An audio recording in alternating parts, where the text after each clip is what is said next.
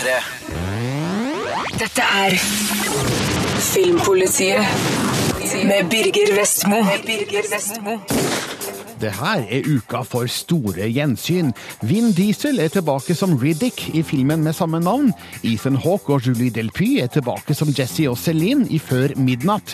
Og PC-suksessen Diablo 3 er tilbake, nå på Xbox og PS3. Alt det her skal anmeldes. Dessuten har en ny norsk filmpremiere i dag, nemlig De tøffeste gutta. Jeg syns jo om den, mens regissør Christian Lo forklarer hvorfor humor er bedre enn drama for å nå ungdom.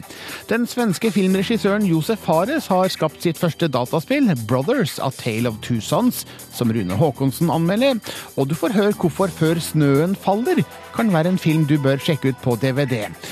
Ja, og sa jeg at jeg skal anmelde dokumentarfilmen om One Direction? P3.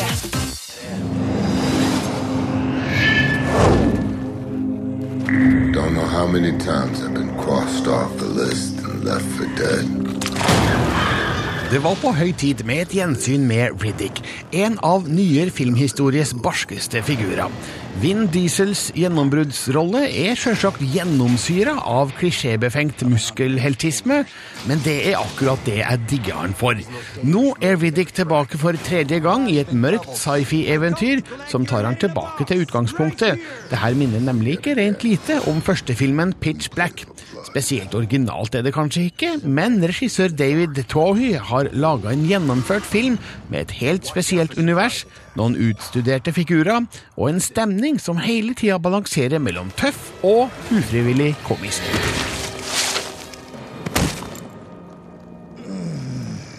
Riddick, spilt av Vin Diesel, har stranda på en lite gjestmild planet, full av sand, stein og farlige dyr. Han utløser et nødsignal og lokker til seg to romskip med bevæpna dusørjegere. Det brygger opp til kamp mellom de to mannskapene, som er ute etter Riddick av forskjellige årsaker. Samtidig lusker hovedpersonen rundt dem på jakt etter en vei bort fra planeten. Jeg liker den første halvtimen best når Riddick er alene og må bruke sine grunnleggende overlevelsesinstinkter i kampen mot diverse farer. Omgivelsene er akkurat som Riddick sjøl, hard og farlig. Handlinga i denne delen av filmen fortelles med bilder, ikke ord, og suger meg inn i verdenen den er lagt til. Men to timer med det her ville kanskje blitt det kjedeligste laget. Filmen legges i et høyere gir når dusørjegerne lander på planeten, og det i stedet blir en katt og mus-leik med tvilsomme figurer, store våpen og øyeblikk med eksplosiv vold. What is happening? Flere av figurene blir godt ivaretatt av skuespillere som Jordi Moya, Matt Nable, Bukim Woodbine og Katie Sackhoff. Kanskje får ingen muligheten til å bli stort mer enn karikaturer, men det er ikke plass til mer i denne filmen. For det her er Vin Diesels show. Riddick har fått tilbake den farlige mystikken han hadde i den første filmen, Pitch Black. Han flekser muskler og lirer av seg kommentarer som ofte er en hårsbredd unna å være komplett idiotiske, men Diesel spiller Riddick i fullt alvor, og det redder faktisk figuren fra å bli en dårlig mannssjåvinistisk standup. Pitch Black er fremdeles den beste av trilogien, men Riddick underholder godt med en handling som drives stadig fremover, med flere ålreite sjangerfigurer, skremmende, men litt for digitale monstre, og noen gode doser med gørr og blod. Den er også lekkert fotografert av David Egby, med effektive effekter som skaper en svært filmatisk verden. Det er kanskje svært åpenbart hvordan det her vil ende, men måten vi kommer dit på, har sine definitive øyeblikk av oh shit, hva var det jeg nettopp så?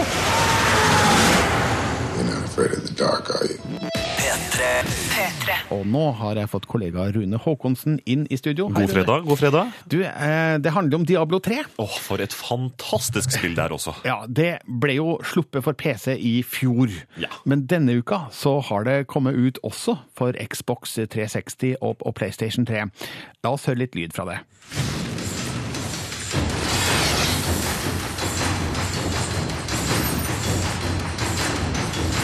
It has begun.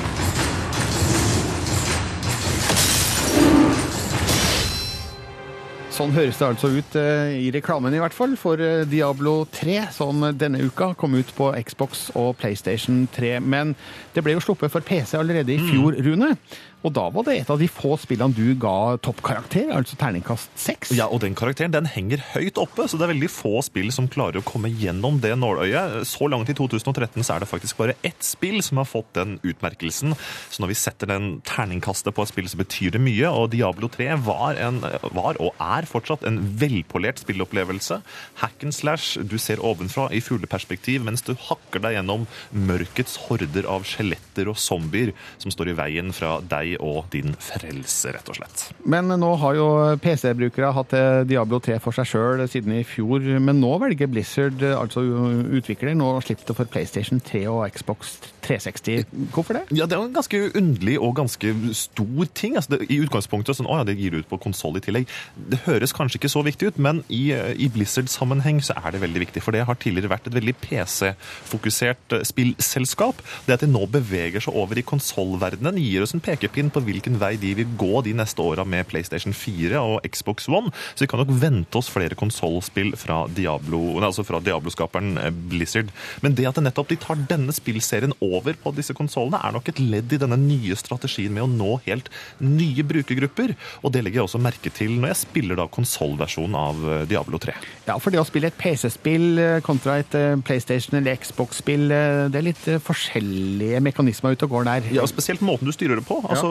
På konsoll så har du jo bare en kontroller i hånda, mens du på PC har tastatur med knapper og mye større frihet. Ja. Og det har jo også ført til at konsollversjonen av Diablo 3 føles mye mer strømlinjeforma ut. For eksempel så er det ikke nødvendig lenger å, å, trykke på en knapp hver gang du skal angripe, så du kan bare holde inn en knapp, og så angripe figuren din pa, pa, pa, hele tida. Og, og det er kanskje en ting som jeg ikke liker så godt. For det gir meg en følelse av at det er litt mer automatisk og litt, litt enklere å spille Diablo 3 på konsoll. Ja, så er det nå litt mer tilgjengelig for eh, casual gamers som meg sjøl. ja, ja, men altså, jeg vil jo si at det her var et spill som i utgangspunktet var retta, mot et mye bredere publikum enn Diablo 2 f.eks. var, med et stort fokus på samarbeidsspilling, nettilkobling osv. Men de har i skal vi si, enda større grad tilrettelagt eh, Diablo 3 for å fungere på konsoll, og for en mye bredere gruppe spillere. Sånn at eh, det er viktig å vite hvis du går for Diablo 3 på konsoll. Det er kanskje noen eh, forskjeller hvis du har spilt det på PC først, som du ikke vil like. Men for alle andre så er det fortsatt et fantastisk eventyr inn i en mytologi fylt av kristen symbolikk, og ikke minst da eh, engler og demoner i alskens former og farger.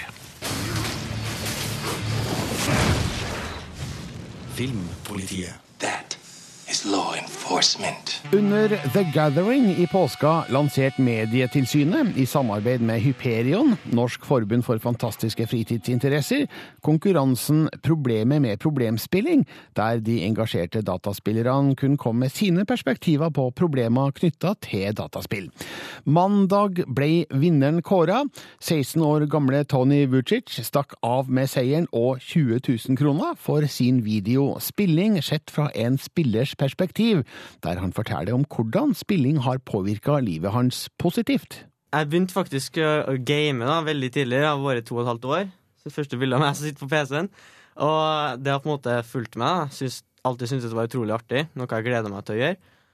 Men det har ikke bare vært sånn at jeg har gjort det fordi det er gøy, men jeg har også lært veldig mye fra det. da. Um, I det spillet jeg spiller mest, som heter Roblox, så kan man det er sånn kreativt spill man kan lage hva man vil.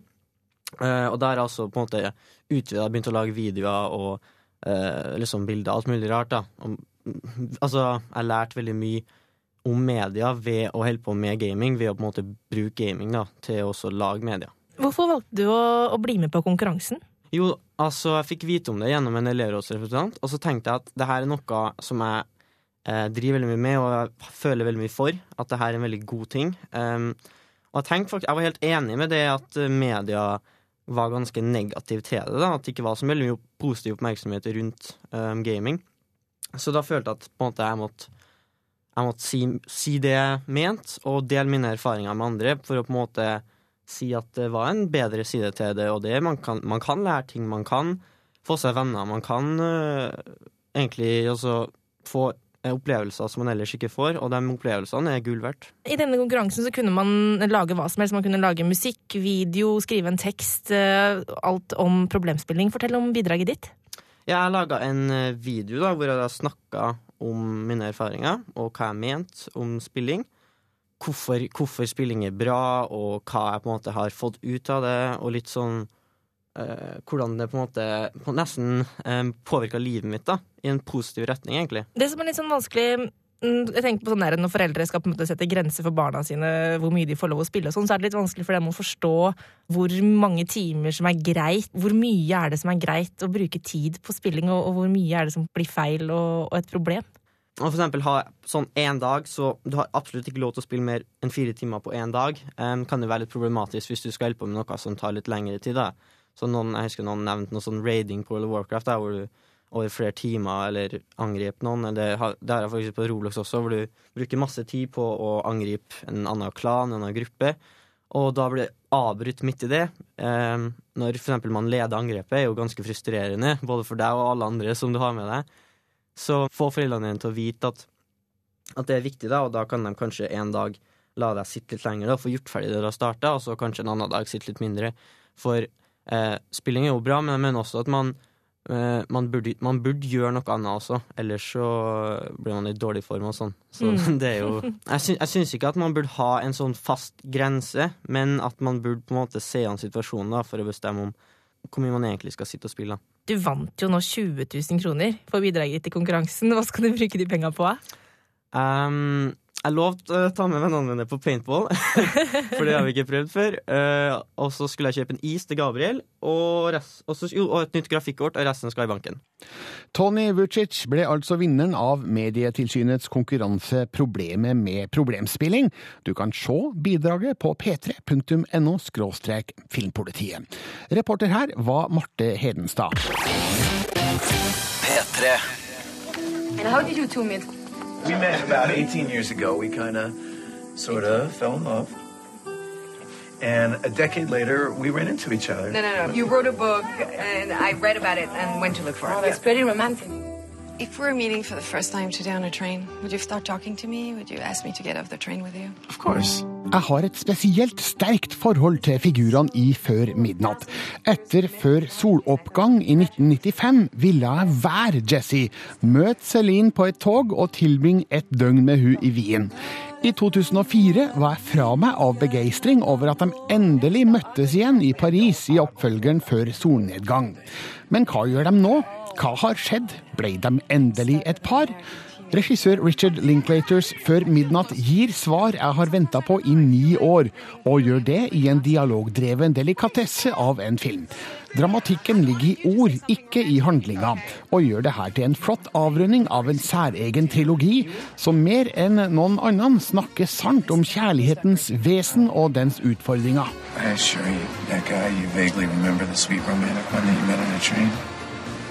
That is me. Det er umulig å anmelde før midnatt uten noen avsløringer, så om du ikke vil vite noe før du har sett filmen, skru av nå. Du har skrudd av? Ok. Jo da, Jesse og Celine ble et par, og har fått to jenter. De er på ferie i Hellas, der de besøker en forfattervenn og hans familie. Alle diskuterer livet og kjærligheten i all dets fasetter. Jesse og Celine virker lykkelige og tilfredse med tilværelsen og hverandre, men bakom lurer utfordringene. Jesse sliter med avstanden til sønnen fra sitt første ekteskap i USA, mens Celine lukter på en ny jobb i Paris. Er kjærligheten fremdeles sterk nok, eller er det slitasje i sikte? So, if you're going to spend another 56 more years together, Yeah. what about me would you like to change? That's another one of your can't win questions. I'm not answering that. What do you mean? There's not one thing you'd like to change about me? Filmen handler om en situasjon mange par havner i. Hva skjer når den opprinnelige romantikken har avtatt, og forholdet har normalisert seg i hverdagsmodus? Paret, som en gang fremsto som evige elskende, virker plutselig ikke så stabile lenger. Den skarpe dialogen vitner om to intelligente mennesker i en livssituasjon, der begge tolker den andres utsagn i verste mening, og bruker dem som motargumenter i diskusjoner der ingen vil gi seg. Filmen viser med tydelighet at sjøl ikke den sterkeste romansen kan motstå å bli påvirka av enkle problemstillinger. You're a very skilled manipulator. Well, I'm You know that? on to you. I know how you work. You think? Yeah, I know everything about you. Hovedrollene spilles av Ethan Hawke og Julie Delpy, som sjøl har skrevet manuset sammen med regissør Richard Linklater. Det er gjennomsyra av en dyp respekt for figurene og forståelse for deres livssituasjon. Men er det én ting å sette fingeren på her, så er det at de fleste samtaler, diskusjoner og krangler er for smarte. Det er åpenbart at denne dialogen, med alle sine skarpe observasjoner, treffende poenger og avanserte anekdoter, kommer fra et gjennomarbeida manus. Men samtidig er det derfor jeg elsker de her filmene. De gir meg så mye. Jesse og Celines forhold sier så mye på så kort tid om hva det vil si å elske noen, og hva det koster.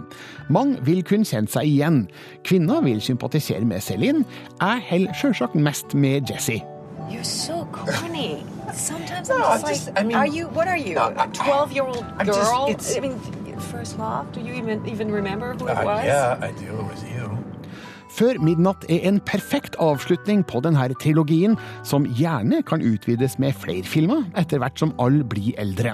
Det fins fremdeles ting å si om voksne forhold, og det kan knapt gjøres bedre enn i denne filmen, som er smart, følsom og virkelighetstro i sin beskrivelse av småbarnsforeldres kjærlighetsliv. Du må gjerne se den som et enkeltstående verk, men få gjerne med deg de to første òg, for fullt utbytte av Jesse og Celines historie. No, the truth is, okay, you failed the test. And the fact is, you would not pick me up on a train. You would not even notice me, a fat ass middle aged mom losing her hair. Okay. P3. Hei, jeg heter Modulf. De tøffeste gutta har mye å takke meg for. De tøffeste gutta vil utvilsomt treffe en ung målgruppe, og kan bli et viktig våpen i kampen mot mobbing. Dette er en forholdsvis sprek film om et stadig like aktuelt tema, der jeg engasjeres av hovedpersonenes kamp og sjarmeres av de unge skuespillerne. De er imidlertid så unge og uerfarne at filmen unektelig får et preg av skoleteater over seg. Spillet er i perioder for kunstig og krøkkete. Men regissør Christian Lo redder seg inn ved å tilføre filmen høy energi og ivareta Arne Svingens humor fra boka den er basert på. Domulf, var det deg? Vi møter Modulf, spilt av Sondre B. Henriksen, som tror han redder de andre barna i skolegården ved å la seg mobbe av to bøller. Heime skjønner mor, spilt av Cecilie Mosli, ingenting. Det gjør heller ikke læreren, spilt av Anders Båsmo Christiansen. Men den nye nabojenta Lise, spilt av Regine Stokkevåg Eide, forstår at Modulf rett og slett er et mobbeoffer. Hun bestemmer seg for å hjelpe Modulf til å få en slutt på mobbinga. Nei, hun var det perfekte mobbeoffer. Christian Lo signaliserer umiddelbart at det her skal være en film med fart i. Fortekstene gir klare assosiasjoner til superhelter fra tegneserier, en henvisning til Modulfs syn på seg sjøl som en slags superhelt. Også senere i filmen Leike Lo seg med friske sjangergrep, bl.a. en aikido-leksjon med god underholdningsfaktor. Historiens dramaturgi er enkel, men virkningsfull. Det er klart fra første stund hva som er problemet, og hva som er målet. Er jeg klar nå? Regine Stokkevåg Eide spilte òg i Christian Los forrige spillefilm Bestevenner, og er klart den beste skuespilleren her med sitt artige oppsyn og herlige Vinstra-dialekt. Sondre B. Henriksen er òg morsom og sympatisk, sjøl om det er litt rart at han snakker Per Aabel-bokmål. Det er kanskje ufint å kritisere så unge skuespillere, men det må være lov å påpeke at noe av dialogen fremføres litt anstrengt og haltende. Noen av de mindre rollene i filmen kunne òg med fordel vært bedre besatt og eller instruert. Pappa sa alltid at ekte helter stiller opp for de som er svakere enn seg. Hun skal tøffere opp. Innen mandag så er hun den nye Modulf. Ny og tøffere. Mot slutten syns jeg filmen blir riktig så bra. Det bygger seg opp til en konfrontasjon der det er mange følelser inn i bildet, og der syns jeg Lo og co. lykkes i å skildre mobbingas håpløshet. Det blir kanskje litt mer dramatisk enn det er realistisk å tro på, men det er lov å overdrive på film. Det er òg lov å håpe at alle mobbere ser denne filmen og tenker seg litt ekstra om etterpå. Ekte helter stiller opp for de som er svakere enn seg selv. Dette er Filmpolitiet på P3. I sted anmeldte jeg De tøffeste gutta, som har premiere i dag. Jeg mener filmen kan bli et morsomt våpen mot mobbing. Den takler alvorlige tema på en fartsfylt og humørfylt måte. Og filmens regissør Christian Lo tror at komedie kan være en bedre måte å nå gjennom til unge folk enn drama. En god barne- og ungdomsfilm trenger de samme kvalitetene som en eh, god film for eh, et voksent publikum. Og jeg tror de beste filmene for oss som et voksen publikum også er ting som kan utvide horisonten vår, eller få oss til å tenke over ting i samfunnet og livene våre.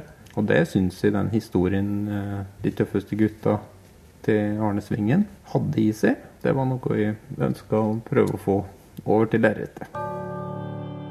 Hei, jeg heter Modulf.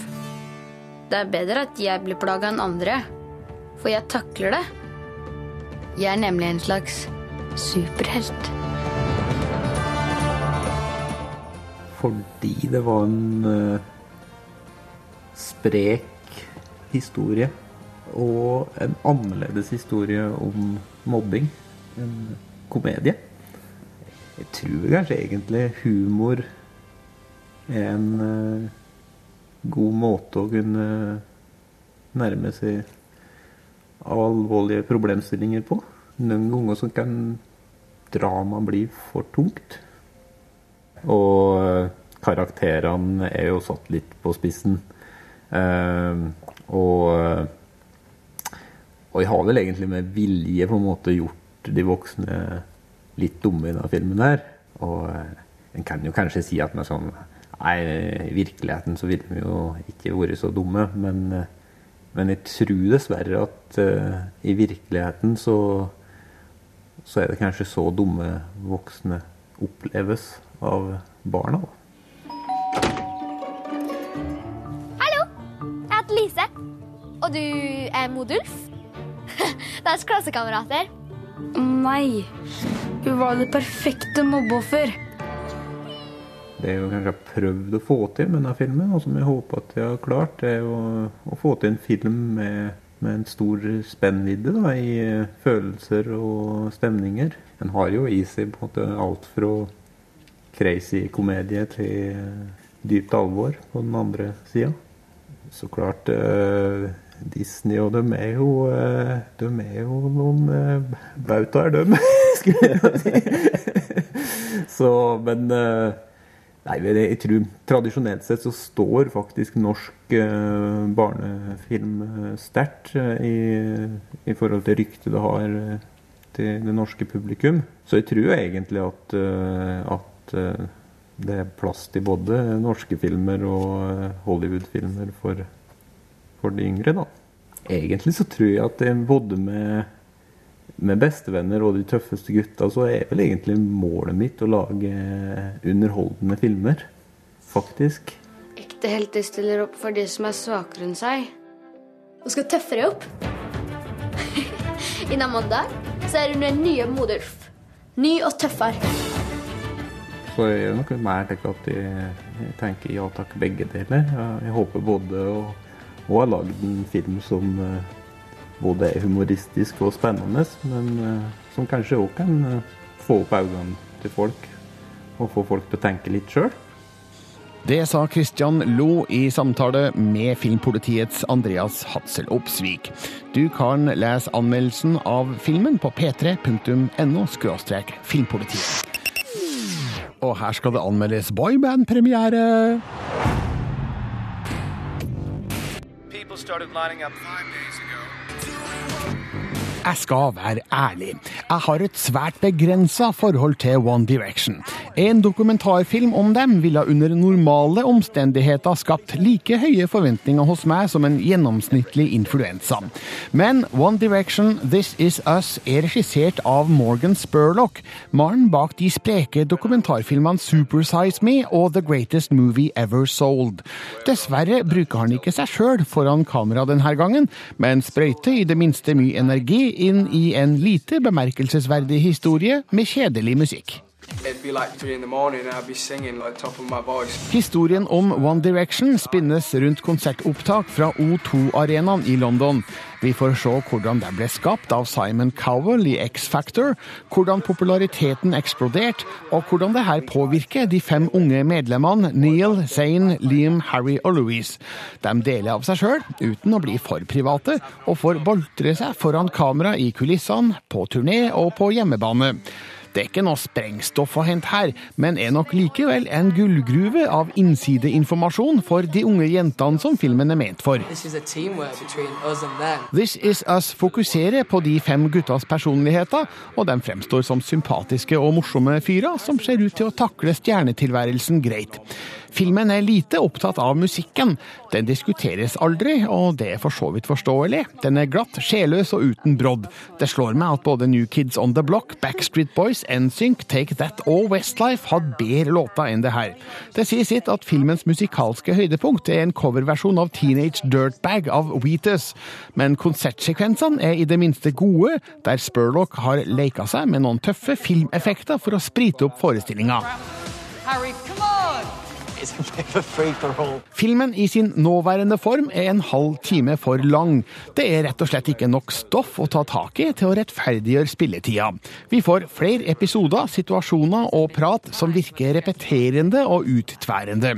Guttene i bandet bruker bl.a. i overkant mye tid på å fortelle hvor viktig det er med kontakt med fansen, sjøl om det er åpenbart at 20-åringer ikke kan være spesielt interesserte i tannregulerte 13-åringer som gjør hjertetegnet. Det her er kalkulerte og veloverveide ord, men andre ting i filmen virker ærlig og ektefølt, som når medlemmenes foreldre reflekterer over avkommets stjerneliv. The hardest thing about the travel is missing home and missing family, but we become literally like brothers now. He goes away for so long. I never know where he is in the world. Filmen er produsert av Simon Cowell, som helt sikkert har hatt full kontroll på hvordan produktet hans fremstilles.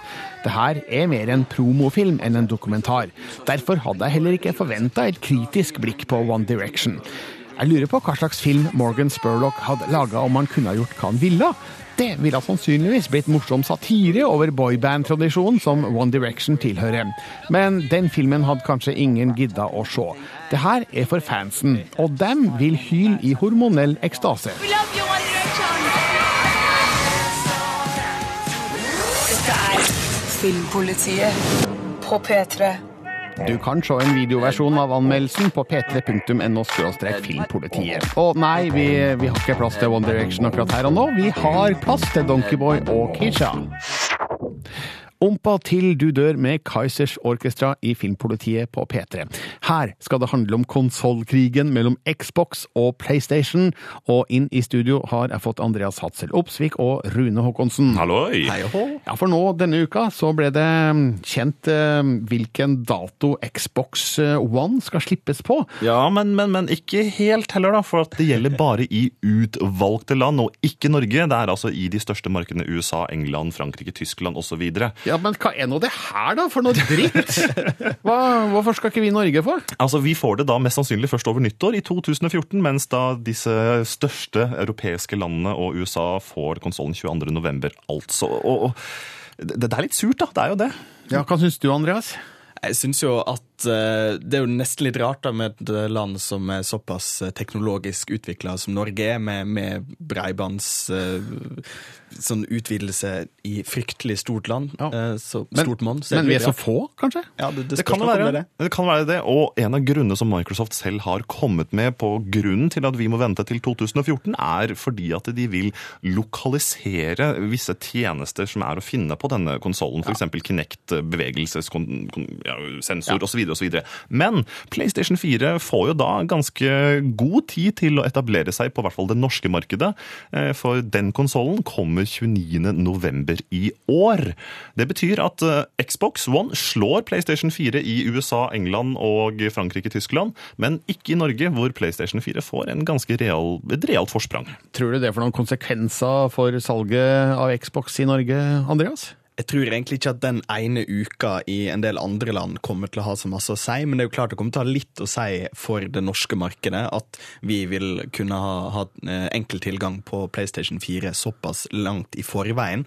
Men eh, hvordan en, en, ser på det med tanke på spill og sånn, blir jo interessant. I kortere perspektiv så er det jo verdt å få med seg at julehandelen er jo inni det her. Eh, det er sikkert mange som kommer til å forhåndsbestille Xbox og gi det i julegave, mm. men hvis du kan få en konsoll i hånda, så er det nok litt mer attraktivt, så jeg tror nok at Microsoft kommer til å merke en litt sånn treg start. Men det er viktig å få med seg også at disse konsollprodusentene ikke tenker i korte perspektiver som noen måneder eller til og med et år.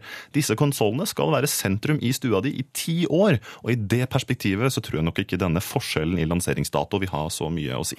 Og så En ser jo òg på Wii U-lanseringa i fjor, selv om den kom da like før juletider og hadde et langt forsprang, så har den jo fremdeles ikke vært en storslått suksess for Nintendo.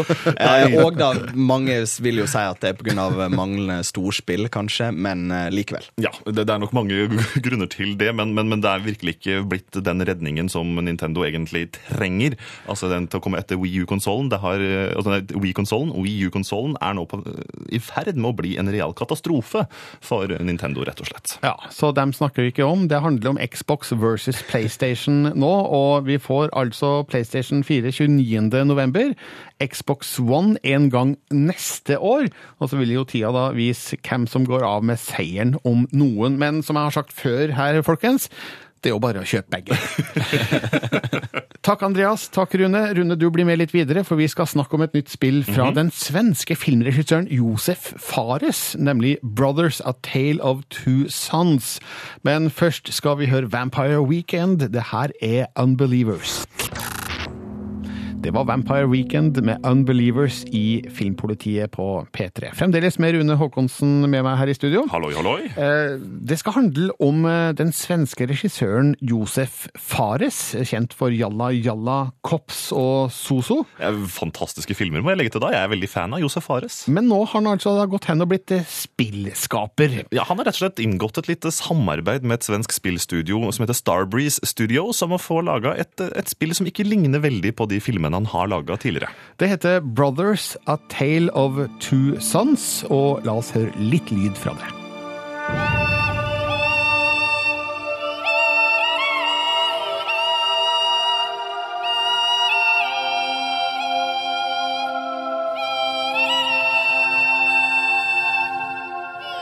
Dette var altså lyd fra Josef Fares-spillet Brothers, A Tale of Two Sons. Hva er det her, Rune? Det her er et spill som nå er ute på PlayStation, PC og Xbox. Nedlastbart eh, sågar. En historie om to sønner som må legge ut på en strabasiøs reise med hindringer og eventyr for å finne livets vann for å kurere sin syke far. Og det er et spill som, som legger veldig vekt på nettopp det nære båndet mellom eh, far sønn, og ikke minst mellom brødre.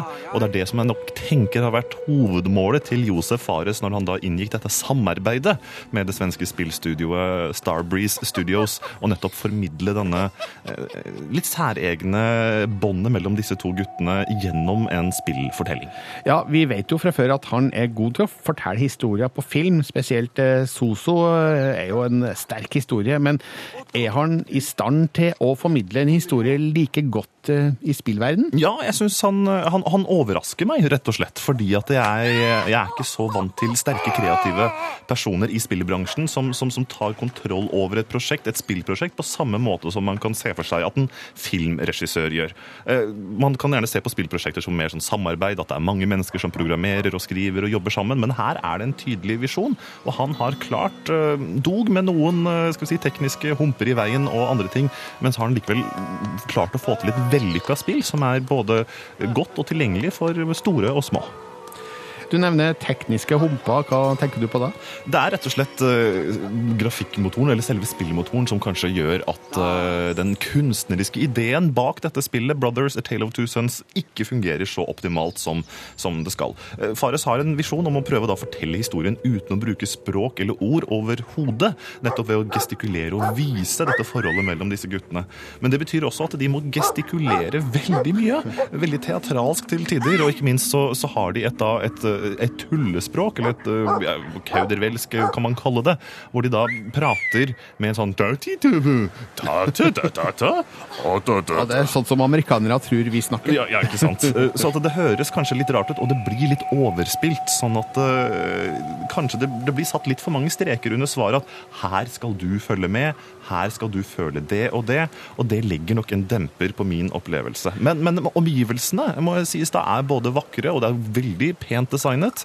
Og utfordringene du møter på veien er, er kløktig bygd opp, for du styrer nemlig den ene broren med den ene tommelen på spaken på spillkontrolleren, og den andre broren med den andre spaken på spillkontrolleren. Så ikke bare må du da utforske forholdet dem imellom, men, men du må lære deg å koordinere fingrene dine litt godt for å kunne klare utfordringene, og det er ganske spennende og festlig. Anmeldelsen med terningkast fire kan leses nå på p3.no filmpolitiet. Takk skal du ha, Rune. Bare hyggelig. Her er Two Chains og Wiz Khalifa på P3. We Own It. Envy med Am I Wrong i Filmpolitiet. Denne uka slippes DVD-en av Før snøen faller. Her er min dom over filmen.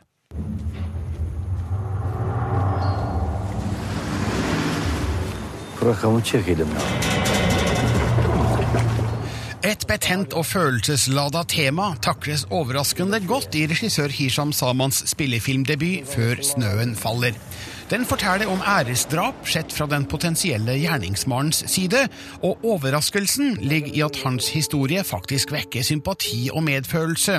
Saman forsøker å fortelle flere historier på en gang, og alle lir litt under det, men samtidig er det prisverdig at han tør spinne en historie rundt vanskelig tematikk fra flere innfallsvinkler. Før snøen faller viser at vi har å gjøre med en modig filmskaper. مقاس تلفزيون ده فراشم لاند كروزر ده فراشم مقاس غارانتي بده اف غارانتي ازم 16 år gamle Siyar, spilt av Abdullah Taher, bor i en liten landsby i Kurdistan. Etter farens død er han familiens eldste mann, og dermed overhodet. Når søstera rømmer fra sitt forestående tvangsekteskap, forventer alle i landsbyen at Siar skal drepe hun for å gjenopprette familiens ære. Han legger ut på en reise gjennom Europa for å finne søstera, og møter på veien den unge jenta Evin, spilt av Susan Ilir, som vekker nye følelser i han. Filmen er innspilt der historien er lagt, og gjør at troverdigheten er maksimal. Omgivelsene danner en god ramme rundt handlinga. Jeg føler virkelig at jeg er med på reisa som Siar legger ut på. Vi kjenner kanskje menneskesmugling som fenomen, men i denne filmen får vi et innblikk i hvordan det kan oppleves for de som blir smugla. Det gir et litt mer nyansert bilde av illegal innvandring til Europa. Her møter vi mennesker, ikke tall i en statistikk.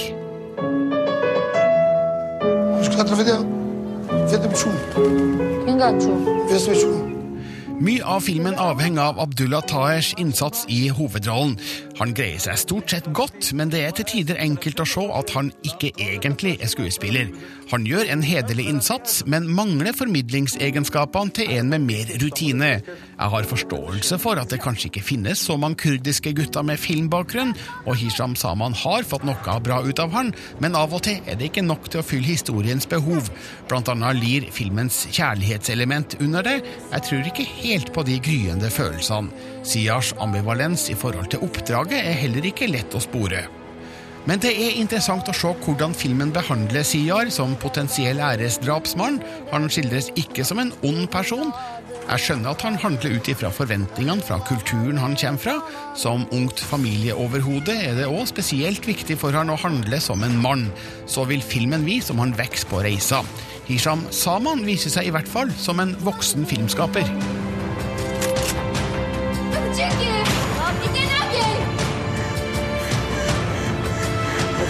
Dette er Filmpolitiet på P3. Nå er altså Før snøen faller utgitt på DVD. Straks skal Hisham Saman forklare hvorfor han ville lage en film om det vanskelige æresbegrepet. Men først Frøken Fryd med blod og honning. Frøken Fryd med blod og honning i Filmpolitiet. Du hørte i sted at Før snøen faller nå er utgitt på DVD her i Norge. Jeg har møtt filmens regissør Hisham Saman, som eh, forklarer hvorfor han vil ha lage en film om det vanskelige æresbegrepet. Du tar jo opp temaet i filmen eh, som er vanskelig for oss i Norge å forstå. Æresbegrepet, eh, æreskulturen. Var det viktig for deg å utforske? Jeg tror jeg har forsøkt å gå inn i dette temaet med en annen eh, utgangspunkt, en annen perspektiv. Og ikke, altså, ikke banalisere det og ikke uh, dømme det. Uh, for meg det har vært mer å utforske det. Uh, altså, å kunne gå inn i det og være nysgjerrig på hvorfor ting gjøres som det gjøres. Og jeg tror ikke filmen prøver å svare på, på hva det hele At det, det, dette er derfor dette skjer. Jeg tror filmen stiller noen spørsmål også. Uh, kan en gutt som har destruktiv plan, som har faktisk med alvor tenkt å reise gjennom ild og vann for å gjøre, gjøre et drap, uh, vil han lykkes med det? Hvordan vil han gjøre dette? Og vil han virkelig stå på dette hele veien, eller vil han møte utfordringer? Og hva slags utfordringer vil han møte, og hvordan vil han bruke det til å utvikle seg som menneske? For alle disse tingene jeg tror jeg det er kompleksiteten rundt en karakter, ensomheten hans, måten han selv etter hvert møter kjærligheten, som er hovedårsaken til at søsteren rømmer fra eh, eh, sitt eget bryllup. da.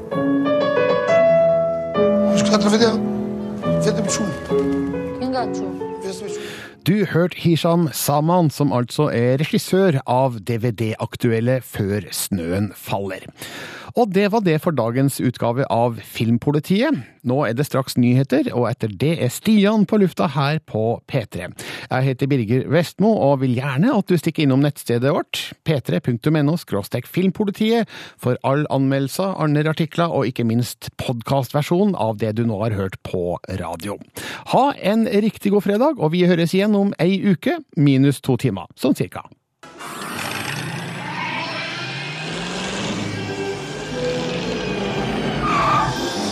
Hey, Doc, you better back up. We don't have enough road to get up to 88. Roads? Where we're going, we don't need roads.